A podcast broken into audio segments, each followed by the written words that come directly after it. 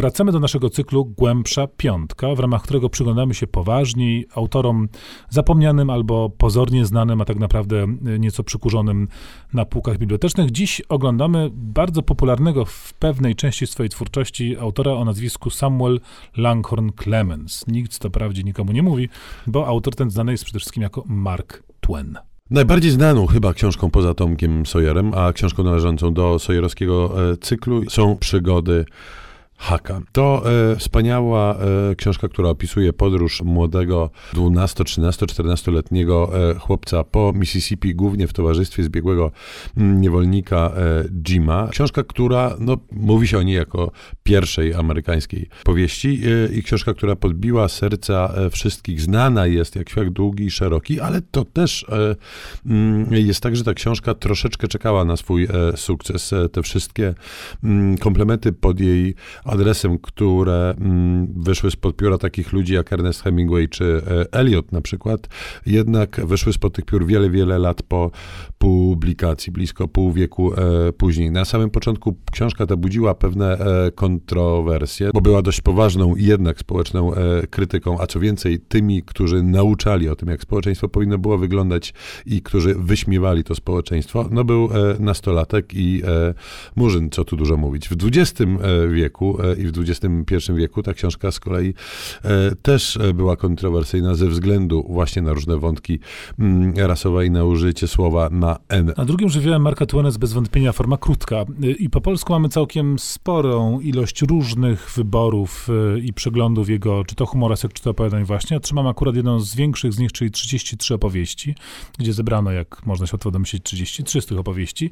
I one pokazują w znakomity sposób bardzo szeroką panoramę możliwości Marka Twaina, bo mamy tu zarówno takie klasyczne opowiadania, choćby otwierający tom Ludożerstwo w wagonach. To jest niesamowita historia. Mamy tutaj y, przewrotnego rodzaju humoreski, przede wszystkim takie jak na przykład Jak redagowałem gazetę rolniczą, czy Jak redagowałem dziennik w Tennessee, gdzie y, Twain doskonale pokazuje swój temperament, no właśnie satyryka, kogoś, kto złośliwie i celnie portretuje ludzkie zachowania na podstawie często dość konkretnych przeżyć. Mamy zdumiewające pomysły e, fabularne, tak jak średniowieczny romans, czy też na przykład zdumiewającą historię pod tytułem Bajeczki dla starych dzieci. Te opowiadania pokazują e, Tuena jako niesamowicie aktualnego i takiego świeżego pisarza. Wierzyć się nie chcę, że to powstawało gdzieś tam hen w XIX wieku, bo on naprawdę jest taki nam bliski i, i, i wciąż drapieżny. Natomiast pamiętajmy o tym, że za życia Mark Twain kojarzony był przede wszystkim jako autor e, reportaży. I może e, o tej literaturze reporterskiej jego porozmawiajmy. Zacznijmy od e, Pod gołym niebem. Mm, to jest książka mocno autobiografizująca, opowiadająca o jego wypadzie do e, Nevady wraz z bratem Orionem Clemensem, który tam mm, został dość poważnym urzędnikiem. Wypad ten miał trwać krótko bardzo, maksymalnie kilka miesięcy, tak to było planowane trwał wielokrotnie dłużej. No i jest to przepiękna opowieść o tym, jak to w Ameryce e, ongiś bywało, jak spało się właśnie pod gołym niebem, jak jadło się wyłącznie fasole, przymierało głodem w poszukiwaniu srebra czy innych e, kruszców. Mm, książka, która rzeczywiście odsłania przed nami reporterskie oblicze Twena, aczkolwiek, jak dowiadujemy się dzięki e, historykom e, literatury, nie zawsze e, był e, wierny temu, co rzeczywiście się wydarzyło. Po przerwie wrócimy jeszcze do reporterskiej twórczości Marka Twena.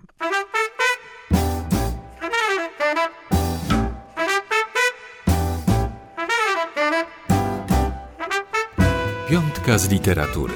Polecają Szymon Gloszka i Tomasz Pindel. Rozmawiamy o Marku Twenie, pisarzu powszechnie kojarzonym z literaturą dziecięcą i niesłusznie tylko do tej dziedziny sprowadzanym. Mówiliśmy o różnych jego stronach, o jego satyryczno-humorystycznej twórczości, o jego reporterskiej twórczości. No i teraz kolejna propozycja, która łączy te dwa elementy. Prostaczkowie za granicą to najpopularniejsza e, książka Twena za życia autora.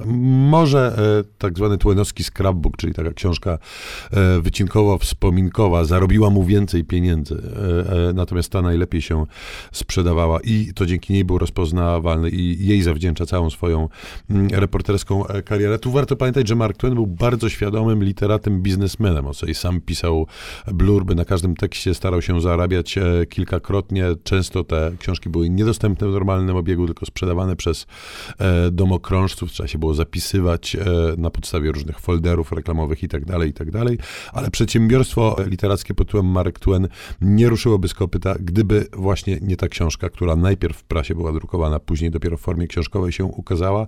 Pomysł genialny i banalny jednocześnie w swojej e, prostocie. Mark Twain wybrał się w podróż statkiem parowym do Europy wraz z Jankesami. Wybrał się mm, na stary kontynent, żeby zobaczyć na przykład Gibraltar, Paryż, ale też e, Ziemię Świętą i e, Bliski Wschód. No i to jest ten e, memu sercu najbliższy gatunek reportażu i traveloga, gdzie ironia i humor są na planie pierwszym. To znaczy Twain rzeczywiście bez przerwy nabija się z, ze swoich towarzyszy podróży, ale jest bezlitosny też wobec siebie, bezlitosny wobec historii, która blednie, jak spotykamy się z nią nią tet, bezlitosny wobec krajobrazów czy zabytków kultury, które e, zwiedza, jak na przykład jest nad Jeziorem Galilejskim, które porównuje do swojego ukochanego jeziora Tahoe, no to e, wyśmiewa to e, słone mm, bajorko, które ani atrakcyjne, ani ładne i jeszcze nie można się z niego napić. Jeśli chodzi o rozczarowania, to bardzo wymowna jest książka Tajemniczy Przybysz, jeden, jedno z ostatnich dzieł Marka Twaina, do którego zresztą podchodził wielokrotnie. To jest nieduża rzecz, po polsku wydana w dawnej serii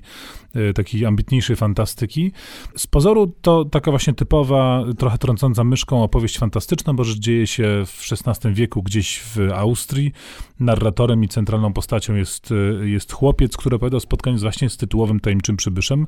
Ten przedstawia się jako szatan, ale nie jest to rogaty diabeł, tylko anioł, ale nie upadły nawet, tylko po prostu jeden z aniołów, który będzie chłopcom pokazywać różne cuda i rozmawiać z nimi na najróżniejsze tematy. Pod tą historią kryje się tak naprawdę strasznie gorzka e, refleksja. To jest potwornie przygnębiająca książka. Rzeczywiście widać, że Mark Twain tak, y, tak humorystycznie rozbuchany przez większość swojego życia tutaj y, odsłania się jako pesymista, jako człowiek, który patrzy na ludzkość z, bez specjalnej sympatii. Zionie mizantropią z tej książeczki. Ona bywa często zestawiana z, z Swiftem i z jego y, podróżami Gullivera, ale nie tymi z Liliputami czy olbrzymami, tylko tymi y, późnymi, na przykład z spotkaniem Gullivera z koniokształtnymi istotami, bo to jest taka, takie podobne przeczucie, że ludzkość rzeczywiście jest dość beznadziejna, że to, co robią ludzie jest małe, głupie i skazane na porażkę. Niesamowity tym chwytem w tej książce jest to, że, no, że ciągle pojawia się wątek tego, co będzie po śmierci, wątek y, kary bądź nagrody, y, tego w jaki sposób ludzkie losy będą rozliczane w y, ostatecznym rozrachunku, po to byśmy na końcu zrozumieli, że żadnego ostatecznego rozrachunku nie będzie. Finał jest jeszcze bardziej mroczny. Świetna, mocna rzecz. To absolutnie nie jest książka dla dzieci, chociaż mogłaby na pierwszy rzut oka sprawić takie wrażenie, tylko naprawdę refleksyjna, przypowiastka filozoficzna, bardzo dojrzałego i no smutno mądrego Twena. I wyszło nam z tego, że z ironistą, humorystą, jakim Mark Twain był, przede wszystkim można się pośmiać i pożartować, ale też zadumać nad e, skazanym na porażkę losem ludzkości. Mm, to tyle. Czytamy Marka Twaina i pozdrawiamy. Tomasz Sawyer i Szymon Finn.